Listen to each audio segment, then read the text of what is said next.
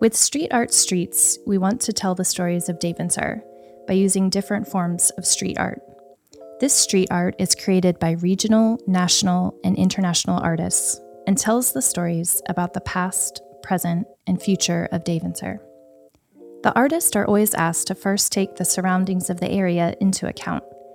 Based on the information about the place, the residents, and the owners, they can start designing their work.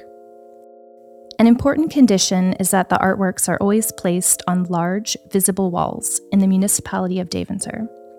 Street art is temporary art, so it's possible that after a few years, the artwork will disappear, something which is inherent to this art form. Street Art Streets connect seamlessly with the Daventry brand, authentic, innovative, and a little bit stubborn.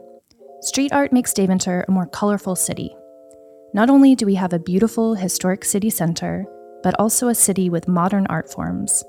Old and new come together, and the artworks tell the stories of Daventry.